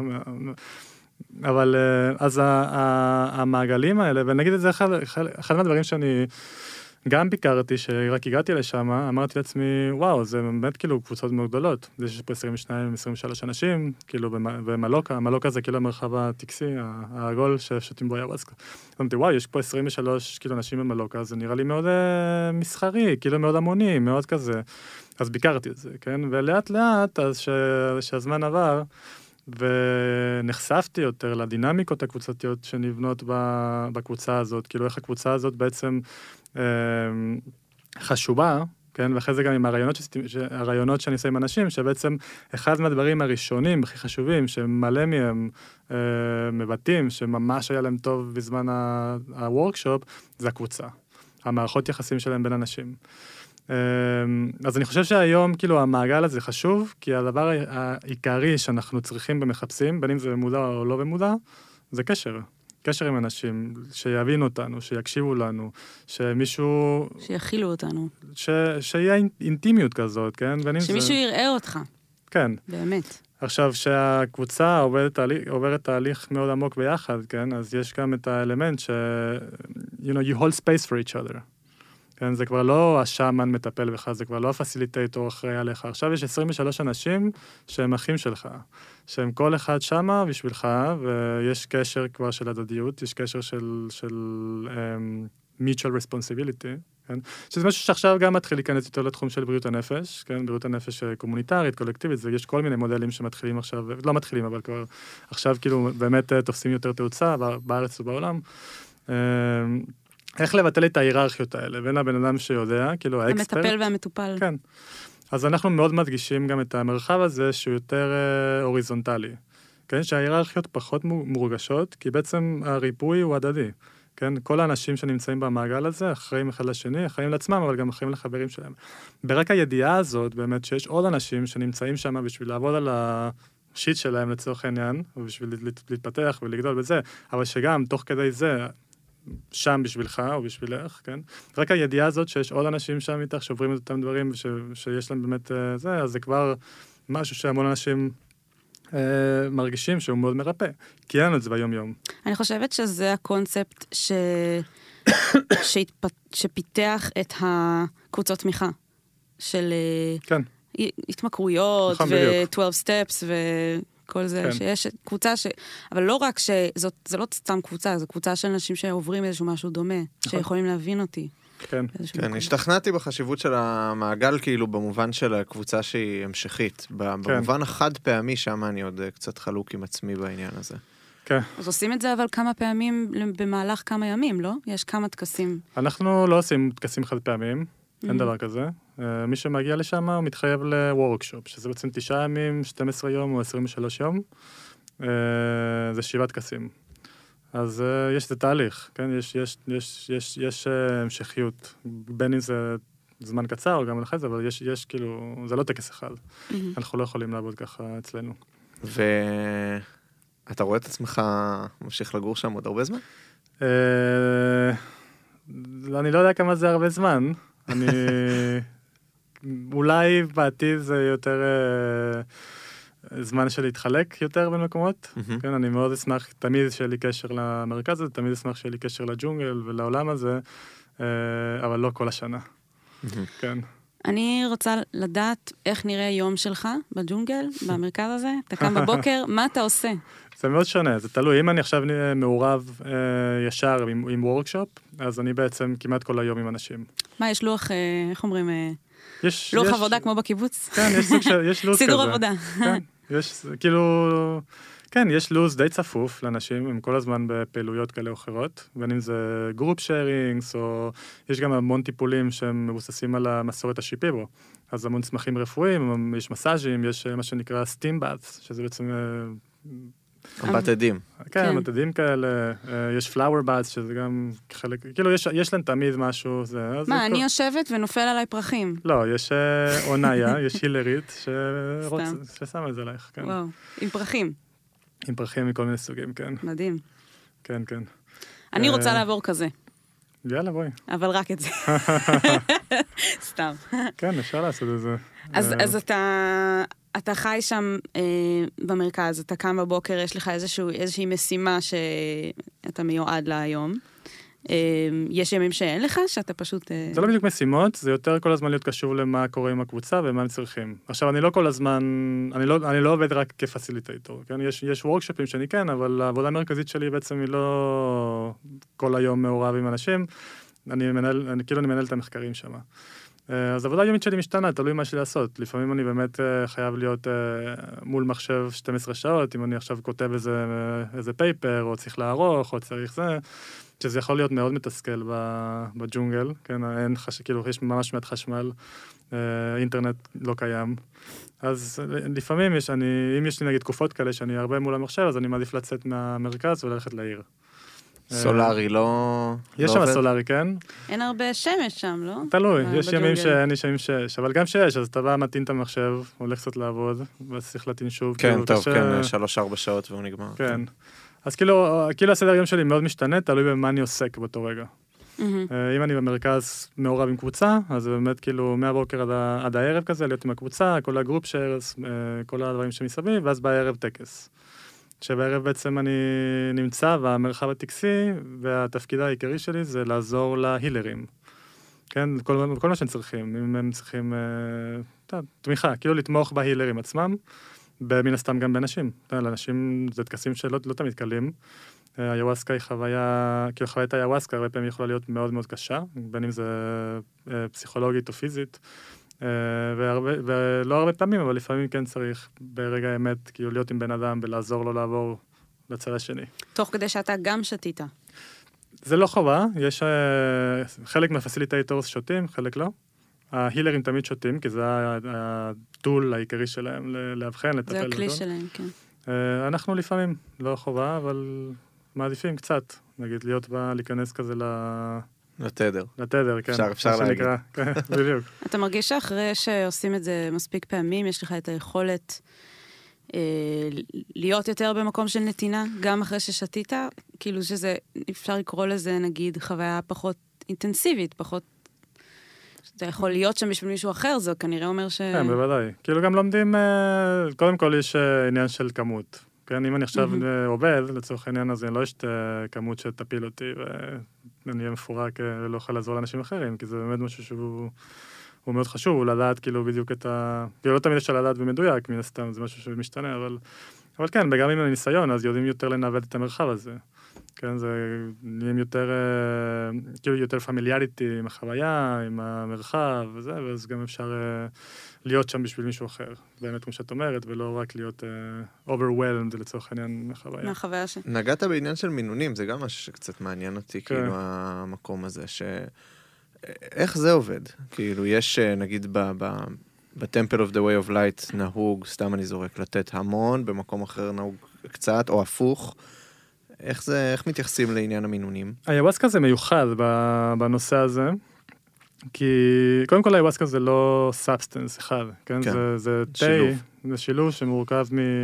לא יודע אם המאזינים אולי פחות... אה, רובם ידעו, אבל בואו בוא כן. ניתן את זה, יאללה. אז זה שני צמחים. כן. ל- בשביל ההורים שלי, כן. יש כאילו צמח, צמח היוואסקה בעצם, מה שנקרא, בניוס טילופסיס קאפי בלטינית, שזה צמח, זה בעצם אה, צמח מטפס כזה, ויין. מהמם.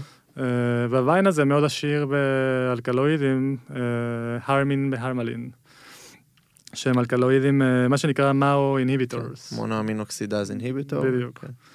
ולרוב משלבים אותו עם עוד צמח, שנקרא, בפרו זה נקרא צ'קרונה. שזה צמח שבעצם מכיל כמויות יחסית גבוהות של DMT, dimethyltryptamine. זה Mimosa hostilis? לא, Mimosa hostilis זה עץ אחר. בברזיל קוראים לו ז'ורמה. אוקיי. צ'קרונה זה שיח כזה, אה, Psychotria viridis, מהמם. השם הלטיני שלו, והוא קרוב משפחה מאוד מאוד קרוב של צמח הקפה. כן. וואלה. זה נראה גם ממש דומה, כמו, כמו שיח קפה כזה, גם ה, ה, כזה, הפולים. הפולים שלו. אה, אז ה-DMT בעצם הוא חומר פסיכואקטיבי, פסיכודלי מאוד מאוד כן. חזק, אבל כששותים אותו, אז הוא לא ממש נספג למערכת הדם, בגלל שהוא מתפרק בקיבה על ידי כל המונומינסטרז.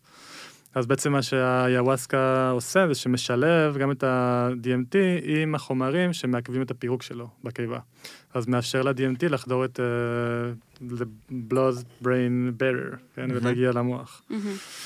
מהמם. Um, אז השיפיבו, נגיד, מסורתית, עובדים רק עם שני הצמחים האלה. כל כוס של היוואסקה שאנחנו שותים זה רק מורכב מהוויין של היוואסקה והצמח של הצ'קרונה, אבל זה משתנה מאוד באמזוניה. כאילו יש אנשים שעובדים, שמוסיפים עוד צמחים, מוסיפים טבקו, מוסיפים טועה, שזה עוד צמח מאוד חזק, מוסיפים מלא דברים. Uh, מאוד קשה לדעת בעצם מה אתה מקבל, שזה גם אחד מהסיכונים של, שהיום כאילו האמזונס, uh, המערב הפרוע וכל מה שקשור לתיירות היוואסקה. אבל אצלנו אנחנו מאוד מקפידים לעבוד רק עם uh, שני הצמחים האלה, ואנחנו גם עובדים רק עם uh, בעצם שני מקורות של המדיסין, שזה שני הילרים שעובדים אצלנו כבר הרבה שנים, שהם אלה שמבשלים אותו, הם אלה שמכינים אותו, ויש להם רמת דיוק יחסית גבוהה, מהבחינה הזאת שאנחנו יכולים פחות או יותר לדעת איך החוויה תהיה מבחינת האיכות שלה וגם מבחינת החוזק שלה. עכשיו, היוואסקה זה משהו שהוא יוצא דופן משאר הפסיכודלים מה- מהבחינה הזאת, שרוב הפסיכודלים הקלאסיים הם מאוד, מה שנקרא dose dependent, כן? אתה לוקח 100 מיקרוגרם של LSD ואתה יודע פחות או יותר למה לצפות, לפחות בתנאי מעבדה. עכשיו, היוואסקה בתנאי מעבדה, דרך אגב, גם כאילו, בדקו את זה וזה גם dose dependent, אבל כשאתה לוקח את זה מחוץ למעבדה ושם את זה בקונטקסט של טקס, מהמם.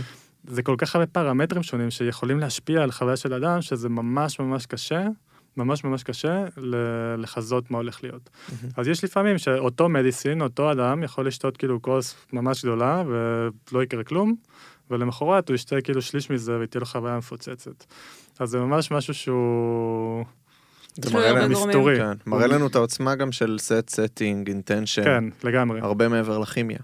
set, setting, intention, יש אנשים שיגידו גם עכשיו יש מימד אחר לגמרי, שזה אינטליגנציה חיצונית. כן, אתה עובד פה עם צמחים, לצמח Mhm. גם יש איזשהו סוג של... Agency. agency, ולהגיד, אנחנו... סוכנות. איך אני רוצה בעצם to interact with you. כן. זה מעניין הסיפור של האיוואסקה, שזה איזשהו חיבור של אה, שני צמחים, Mm. בגלל שאם למשל אני חושבת על אה, פסילוסיבין, שזה רק הפטריה, או פיות, אה, כאילו מסקלין, שזה רק הקקטוס המסוים, אז אה, היסטורית אני מדמיינת איך אנשים גילו את זה, כן. הלכו, כתבו, אכלו, ראו מה קרה. נכון. היה איזשהו מצב של אה, ניסוי וטעייה די פשוט יחסית, ופה מדובר בצמח שכנראה שמישהו אה, הכניס לגוף, לא קרה שום דבר, Mm. ואז מאיפה הגיע המצב הזה שהולכים ומחפשים עוד צמח והם אומרים, אולי נשלב, ואז זה יעזור נכון. להתפרק, ואז יגיע למוח. איך זה קרה? אז היוואסקה זה היום הליין, כאילו האניגמה הכי גדולה של האתנובוטניקה האמזונית. זה משהו שהרבה אתנובוטניסט ניסו לענות על השאלה הזאת. עכשיו, התשובה הקלאסית זה ניסוי וטעייה. אנשים הלכו, כתבו צמח כזה, צמח כזה, ערבבו אותם, ראו מה קרה, לא, מה לא קרה, הלכו וניסו משהו אחר. וזה מדע לכל דבר.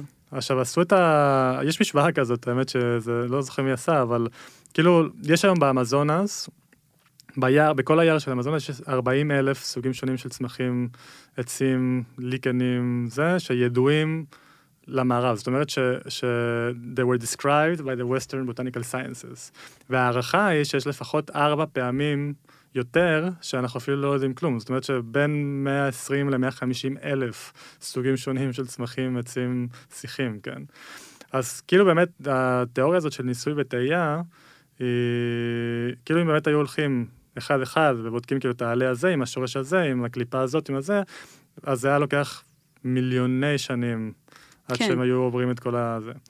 עכשיו, כשאתה שואל את הילידים, כשאתה שואל את החבר'ה במזון, אז יש להם תשובה הרבה יותר פשוטה. אה, זה כן. בא אלינו. לא. הצמח אמר לי. כן, כן, הצמח אמר לי. הצמח אמר לי, הוא בא אליי. נכון. כאילו. אז אה, בכל המיתולוג, כאילו, כל הסיפורים המיתולוגיים של איך שבטים קיבלו את האיוואסקה, זה בעצם משהו כזה. כן, זה הצמח, זה כאילו העול- הטבע ב- בעצמו נתן לנו את המתנה הזאת בשביל לעבוד איתו בצורה כזאת או אחרת. עכשיו שוב, צריך להבין הבדלים מאוד מאוד בסיסיים ב- באונתולוגיות. כן, אנחנו חיים בעולם נטורליסטי, מה שיש זה חומר, כאילו, הכל חומר לצורך העניין, כן? ה mind הוא משני לחומר, הנפש בקושי קיימת במערב. עכשיו, זה לא אוניברסלי. באמזונס, אה, זה, אנשים חווים את החיים ואת העולם דרך... אה, זו חוויה שהרבה אנתרופולוגים קוראים, קוראים לו אה, אנימיזם, כן? אנימיסטי. כן, דיברנו על זה בפרק, שש. שש. לא, שמונה. עם דני? אה, ד- דוקטור דני נווה. אה, אוקיי, מגניב. כן. פרק שש. אחלה פרק, יאללה. אנחנו עושים רפרנסים, כל ה... יפה. כן. אז כן, אנימיזם. כן, אז מ- מ- מהיווני, אנימה, כן? spirit. כאילו בקהילות שחוו את העולם במודליות הזאת, אז ה spirit הוא, הוא בסיסי, כן? לכל דבר יש spirit. לבני אדם יש spirit מן הסתם, אבל גם לעץ יש spirit, ולאבן יש spirit, ולנחל ולגשם, כן? לכל דבר יש spirit. ומה זה אומר בעצם? מה שאמרנו מקודם. You have a spirit, you are a spirit, you're sentient, you're intelligent, you're intentional, you have agency, אתה יכול להשפיע על הסביבה, כן? אתה יכול לעשות באינטראקציה כזאת או אחרת. אמ, אז וזה הבסיס של העבודה עם איוואסקה. כי שוב, אנחנו מסתכלים על איוואסקה ואנחנו מדברים על הרמין ועל הרמלין ועל dimethyltryptamine ועל סרוטונין ועל נוירורצפטורים ופה ושם במושגים כאלה. אבל בשביל אנשים בג'ונגל הם לא מכירים את הדברים האלה, זה לא מדבר אליהם. מבחינתם אתה עובד עם איוואסקה, אתה עובד עם בן אדם. יש, יש בחור שנקרא אה, גראהם הרבי. הוא אה, כאילו, he's, he's a scholar of religious studies. כן. כן? ויש לו הגדרה של אנימיזם שאני ממש ממש אוהב. והוא אומר, for animistic people, right, the world is a community of people, but only a few of those people are human people. אה, Okay? So you have human people, but you have non-human people. Okay? זה כמו non-human agents. זה... מהמם. כן, בעצם אני אתרגם קצת. כן, כן, כן. אה, הע- העולם זה, זה פשוט כולן אנשים, אבל רק חלק מהאנשים הם בני אדם. או אפשר להגיד, כל הנפשות, רק חלקן בני, נפשות אנושיות. בדיוק. כן. אז יש, יש, יש שינוי, יש כאילו הבדל מהותי בדרך שאנחנו מסתכלים על הג'ונגל לצורך העניין, לבין הדרך שמישהו שחי שם מסתכל על הג'ונגל. כי הרבה פעמים אנחנו, אני לא אומר כולנו, כן, אבל ברוב, כאילו מערבים באים לג'ונגל, והרבה פעמים אנחנו רואים כזה עצים מדהימים, והכל שם חי וירוק וזה, אבל בעצם מה שאנחנו באמת רואים זה, טוב, כמה עץ יש, כן, כאילו, מה השווי של העץ שאני יכול להוציא מהמם. מהעצים האלה. like objectifying. נכון, או כמה נפט יש מתחת לזה, או כמה זהב וכסף אפשר להוציא מההר הזה, כן? אה, זה תמיד כאילו גישה מאוד אנתרופוצנטרית של, זה כאילו אוטיליטרי כזה, כמה, מה, מה השווי של זה בעצם בשביל... ואפילו אם לא מדברים על אה, סחורות כאלה שאנחנו כזה טיפה אה, מין בזים לזה, אפילו במובן של אוקיי, מה התועלת הרפואית, נכון, כן. גם במובן מסוים השימוש שלנו באיוואסקה, בדיוק. כאילו מה התועלת הרפואית שאני נכון. יכול לצאת לי מהוויין הזה או מהדבר הזה, ממש ככה. כן. איזה בעיה זה יכול לתקן בדיוק, כאילו, ב... אבל עכשיו אצל בן אדם שחי בג'ונגל, כן, אז התפיס, החשיבה הזאת היא, היא בלתי אפשרית, כי הוא לא רואה עצים בתור עץ, הוא לא, אפילו לא רואה חיות בתור אוכל, כן, הוא רואה חיות או עצים בתור, כ, כחלק מהקהילה שלו, הם הקהילה המורחבת שלו. הוא תמיד חייב לשמור על יחסים מדדיים עם הקהילה. אז העץ הוא, האיש, החזיר בר הוא איש, הנחל הוא איש, כן? אף אחד לא מחליט יום אחד ללכת ולהרוג אנשים סתם, תמיד חייב להיות כאילו איזשהו... זה. אז היוואסקה זה אותו דבר, כאילו המסורת הרפואית בעצם, האמזונית, כל, הש, כל הסיסטם הרפואי מבוסס על האנימיזם הזה, כן? אז את אף פעם לא רק משתמשת בצמח בשביל לרפא, את מדברת עם איש, מהמם. כי את ניסית במערכת יחסים עם ספיריט. אני רוצה להגיד, אוי, דפקתי את המיקרופון, כן. אני רוצה להגיד אה, שדיסני עשו מהלך מאוד אה, רדיקלי ומהפכני. אה, אם אני לא טועה, זה היה בשנת 94 או 5, אה, בכל הנוגע לאנימיזם. עכשיו, אתה מדבר על זה פה, היום בהסתכלות שלנו בעולם המודרני, זה נראה כמו, זה נשמע כמו משהו שהוא... זאת לא ההסתכלות הרגילה שלנו בחיי היום-יום. צריך לבוא ולהגיד לבן אדם, כאילו, היי, תראה, ל- לכל דבר יש נשמה. אבל בסרט המצויר, פוקהונטס, אה, קודם כל, זה היה התמה. של אה, חייה של אה, הנסיכה האינדיאנית פוקהונטס. עכשיו, נכון שהרבה מהמאזינים שלנו אולי לא ראו את הסרט, או לא זוכרים. אני גדלתי על זה. אני ראיתי את זה בגיל חמש. תחשבו ילדה בת חמש, בארצות הברית, שרואה את הסרט הזה ושומעת את, ה, את המילים האלה של גיבורת הסיפור, מדברת על זה שלכל צמח, לכל אבן ולכל אה, מהמם. חיה יש נשמה, נכון. ויש על זה שיר שלם, כן? נכון. Colors of the Wind, זוכרים את השיר הזה? אתה צוחק, אבל מה, זה, זה שהכניסו את זה ככה אני מכיר את זה בוורסיה של ריטה, אבל... נכון, אה, אז... אז גם בוורסיה של ריטה זה היה מאוד מהפכני להגיד דבר כזה ל... ל...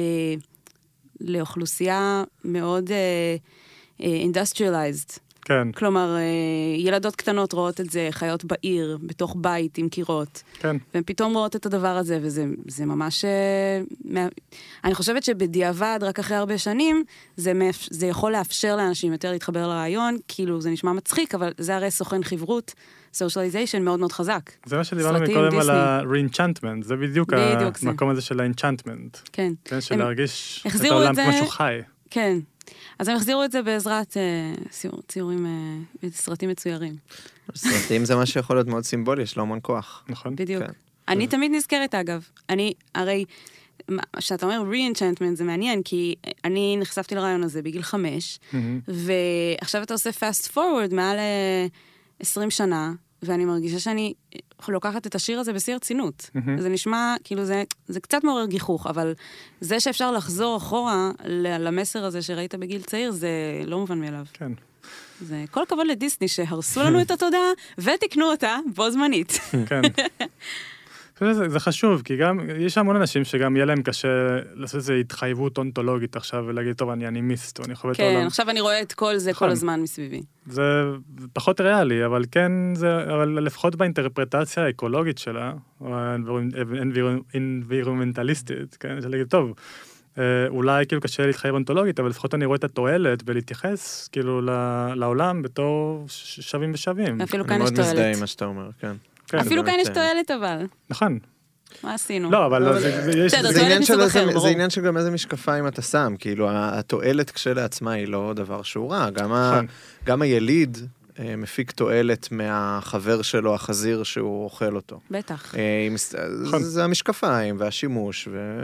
אין לנו ממש ברירה, כאילו, אנחנו לא יכולים להרשות לעצמנו להמשיך לחיות באורח חיים וקצב חיים שאנחנו חיים בו היום, כי זה תוך דור, שני דורות, כאילו, זה, זה, זה לא, זה זה לא. כן. אבל זה לא רק שזה לא סוסטיינבל סביבתית לכל החברה כולה, זה לא סוסטיינבל נפשית. ברור, וזה בוודאי. בדיוק, זה בדיוק הנקודה למה, אחת מהסיבות העיקריות, למה אנחנו חווים את כל האפידמיות האלה של בדידות, של, של, של דיכאון, של חרדה. איך אפשר לא, לא, לא להיות חרד, כאילו, כשאנחנו מסתכלים על העולם מסביבנו? איך אפשר לא להיכנס לדיכאון שאנחנו, בן אדם שהוא, שהוא מספיק רגיש, כאילו, שאנחנו מרגישים ממש את הכאב הפלנטרי, הכאב החברתי, הכאב התרבותי. כן. קשה להמשיך לחיות, כאילו, ששום דבר לא, לא משפיע עלינו. גם יש, זה הכ- הכאב אה, הסביבתי, יש את הכאב בוודאי. ה... בישראל, בטח הכאב המיידי פשוט נכון. של הקיום. נכון? בהרבה מקומות, כן. כן. בישראל זה, זה אולי מצב קיצון באמת. זה, זה גם, זה יש מלא סוגים של כאב. יש גם את הכאב המאוד מאוד עמוק שמגיע מ- מהכיבוש למשל, כן. לגמרי. מה, מהאלימות שאנחנו... אה, כן. אני חושב שגם ציינתי את זה באיזשהו פרק, לי מאוד קשה למשל לעשות חוויות אה, אה, פסיכדליות במובן, כאילו הרבה מהמחשבה שלי הולכת למקום הזה תמיד בוודאי. כשאני בארץ. כן, כן. בחו"ל פחות, קצת כאילו הסתרה וזה, ברור, אבל אה, לי זה מאוד נוגע, מאוד קשה. נכון. כן. בהזדמנות אני אספר לך, בן מוש, על אה, חוויה שהייתה לי בדובאי. כן. אני, אני פשוט פגשתי שם הרבה פלסטינים. Mm. וזה לא פלסטינים שחיים אה, היום בפלסטין, ב- בשטחים, זה אנשים שהם אה, מגדירים את עצמם כפלסטינים, אבל הם בחיים לא היו פה, והם גם כנראה לא יהיו. וגם ההורים שלהם לא היו, והם כנראה גם לא יהיו. אבל אה, כן. טוב, זה, זה נושא לפרק שלם. כן, מה לגמרי. גם כשדיברת על הקשר של, של indigenous people לאדמה, כן. אז זה מאוד מתקשר לסיפור, אבל לא רק מהצד הפלסטיני, אלא גם מהצד של מי שבעצם הגה את הרעיון שאפשר לעשות איזה תיקון ולחזור לאדמה שנושלה. שזה גם איזשהו קונספט שכאילו שווה בחינה. האם, האם זה באמת משהו שהוא... האם זה משהו שמחזיק מים? האם זה לא? האם... כן. אני חושב שיש הבדל קצת בין אה, כאילו פוליטיזציה של אדמה, כן, ברור. ולחיות באדמה הזאת, זאת אומרת שכל ההיסטוריה שלך מושתתת על המקום הזה, ואתה מכיר כל שיח וכל עץ וכל נמר, לגמרי. אה, נכון. לבין איזושהי אידיל, אידיליזציה של כאילו שטח מאז- בגלל נכון, משהו ואת- חיצוני. את שני הצ... רגע, שוב דפקתי את המיקרופון, סליחה. אה, את שני הצדדים האלה יש לדעתי בשני הצדדים. יש אנשים, שני הצדדים, ה- ה- בכל רחבי הקונפליקט, מה שנקרא, אפשר למצוא אנשים שמתייחסים לאדמה ככה, ואנשים שמתייחסים נכון. לאדמה ככה. זה לא משנה ימין, שמאל, יהיה מי שידבר על האדמה בכזאת צורה ובכזאת צורה, וזה... אמ, אני, יש לי איזו שאלה, נראה לי שאנחנו נצטרך לסגור איתה לסיים גם. בקרוב, כן. אמ, לסיים את הקונפליקט בקרוב. הלוואי. מה הסיפור עם הנחש ועם היוואסקה? עם המה? עם הנחש. הופה. זו שאלה אני טובה. בכוונה גם שואל את זה בצורה קצת אה, כן. כזאת. בפרצוף כזה. אה, נראה לי, אתה יודע, זה נתון לאינטרפרטציות, אבל הנחש הוא סמל מיתולוגי, ארכיטיפי, כן? אתה מוצא אותו בכל תר... כל תרבות בעולם בערך. Uh, באמזונס היוואסקה הוא מיוחס מאוד ל... ל- הנחש מאוד מיוחס ליוואסקה, ספציפית האנקונדה. כן, האנקונדה היא הנחש הכי גדולה, הכי גדול בג'ונגל, נחש מים גם, כן, הוא, הוא חי במים. אה, רגע, זה לא רק רכבת הרים בלונה פארק? לא.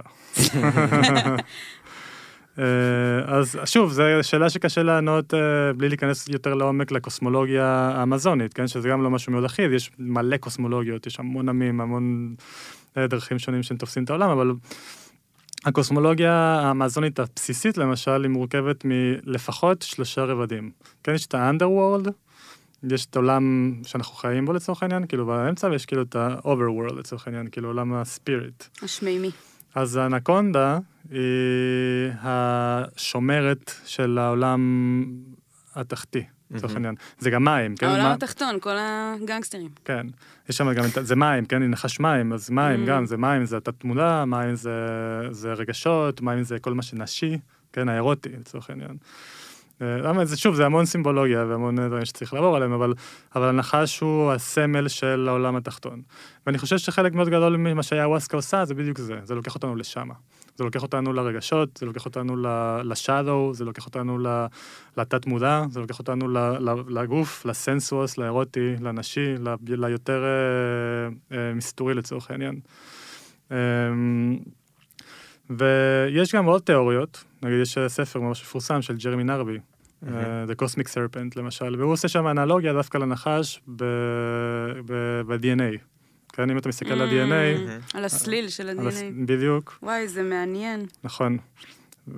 אז הוא שם עושה את האנלוגיה הזאת, שבעצם הרבה ממה שהיווסקה עושה, זה, זה, זה במימד הזה, האפיגנטי לצורך העניין, כן? ושיש הקבלה מאוד מאוד מעניינת, או לפחות מפתה, כן. נגיד מפתה. זה במינימום אנקדוטלי. נכון. כן. אני, אני, אני, אני כן חושב שיש משהו שהוא, שיש קשר ישיר בין, בין גנטיקה לנחש, כי זה לא רק באמזונס, זה שזה גם בעוד מקומות בעולם, נגיד בהודו, כן? כל המסורות הטנטריות, אז גם הנחש הוא מאוד, נכון. הוא סמל מאוד חזק שם, לצורך העניין, כמו של הקונדליני. כן, נכון? איזשהו טיפוס למעלה, מלמטה למעלה. נכון.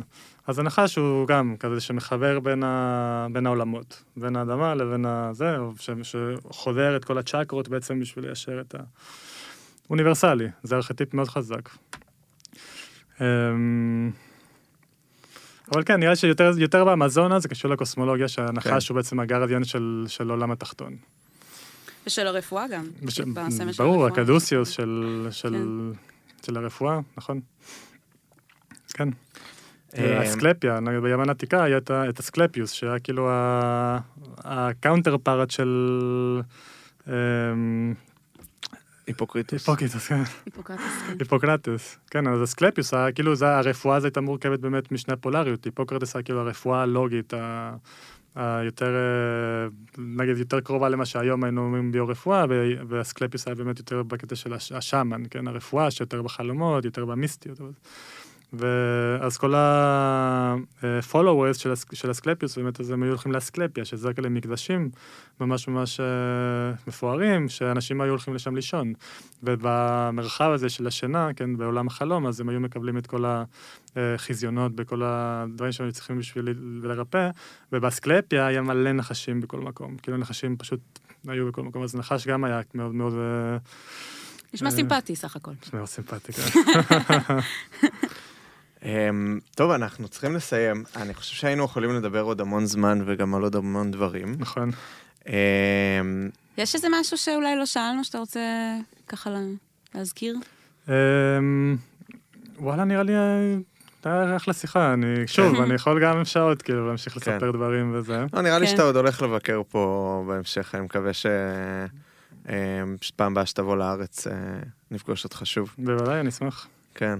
אמ, אדם, תודה רבה. ממש בכיף, תודה לכם. יש לך איזשהו מקום אולי שאתה כותב בו, שאפשר למצוא אותך בו, שזה יותר מאמרים אה, אקדמיים שיצאו? אה, כן, יצא לי לפרסם כמה, גם מאמרים אקדמיים שיותר... אה, אני יודע, כאילו, אני משתדל גם לכתוב uh, צורה כזאת שזה נגיש לכולם. אני פחות אוהב את הגישה כן. ההיפר-אקדמית הזאת, כן. אבל כן, יש לי גם מאמרים אחרים בכל מיני פלטפורמות, uh, בעיקר של הקהילה הפסיכודלית כן. העולמית, לא אם אתם מכירים, יש את צ'קרונה, יש את uh, קאפי, עכשיו יש לי מאמר השבוע שיוצא בקאפי. אנחנו נשים לינקים לדברים האלה. אני רק רוצה להגיד שאני הכרתי אותך דרך איזשהו פוסט שכתבת, גם בפייסבוק הוא כותב, ממליצה לעקוב אחריו. אה, נכון, תעקבו אחריי. תעקבו אחריו בפייסוש, אז יש לו פוסט, אה, כתבת אותו לפני בערך שנה וחצי, וזו פעם ראשונה שקראתי, לא יודעת עם מי אתה, קראתי את הפוסט הזה, אה, נפלתי. על הרצפה, כאילו לא פיזית אבל, הפיל אותי, וחזרתי אליו כמה פעמים אחרי, במהלך כמה חודשים, לקרוא שוב ושוב, ואני גם אשים קישור אליו. כי הוא לדעתי טקסט אה, חזק מאוד, שגם קשור לדברים שדיברנו עליהם וגם לעוד דברים, ולוקח את זה כזה עוד, עוד עמוק. כן. אז אנחנו נשים לינקים לכל הדברים האלה. אדם, המון תודה שבאת. ממש כן. בכיף, תודה לכם. אמ, היה מדהים. רוצה להגיד גם תודה לאיזושהי ציפור שעזרה לי קצת לחשוב לקראת הרעיון הזה. ויהב, אה, מזל טוב, היה לכם הולדת. לא ציפית, אה? לפני איזה שבוע. כן, בסדר. קצת פחות. אה, וגם מזל טוב, אנחנו בקרוב, העמוד שלנו, תודה רבה בפייסבוק, מקבל אלף לייקים. האם נכון, אתם רוצים להיות אז הלייק תפיצו, האלף? תפיצו, בואו נמסחר את זה עכשיו. כן. תפיצו את זה.